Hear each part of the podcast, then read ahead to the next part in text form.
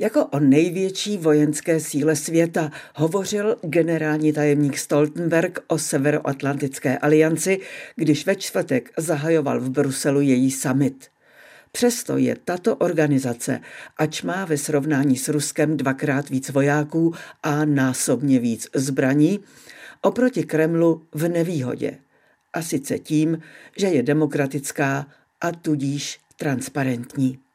Takže americký prezident sice odsoudil ruskou invazi na Ukrajinu jako agresi vůči celému svobodnému světu, ale jedním dechem uklidňoval Američany, ať se nebojí, že oni nikam bojovat nepůjdou což Putina jen motivovalo k tomu, aby v zápětí ochromil západní alianci hrozbou atomového úderu natolik, že je od té doby schopná už jen diskutovat, zda a za jakých okolností by se Kreml takové vše zničující eskalace konfliktu doopravdy odvážil.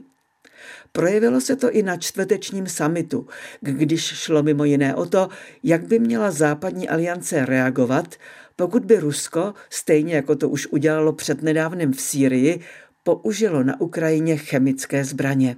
Obdobně jako v lednu, kdy si západní spojenci v Kremlu podávali dveře, aby Putina odradili od útoku na Ukrajinu blíže nespecifikovanými sankcemi, hovořil Stoltenberg i v Bruselu o eventuálních odvetných opatřeních jen vágně, jako o závažných konsekvencích. Konkrétnější nebyl ani tehdy, když se zmínil o možnosti, že by následky takového ruského útoku zasáhly území některého ze sousedních států NATO. Konkrétně oznámil Stoltenberg jen to, že aliance zásobí Ukrajinu dekontaminačními prostředky. Nezbývá než doufat, že si to Kreml vyloží stejně jako někteří západní politologové. Podle nichž je to strategie. Na to si údajně nechce nechat koukat do karet. Putin má prý zůstat v nejistotě, kde je ta červená čára, za kterou už západní aliance nehodlá ustupovat. Otázka je, zda v tomto případě není přání otcem myšlenky.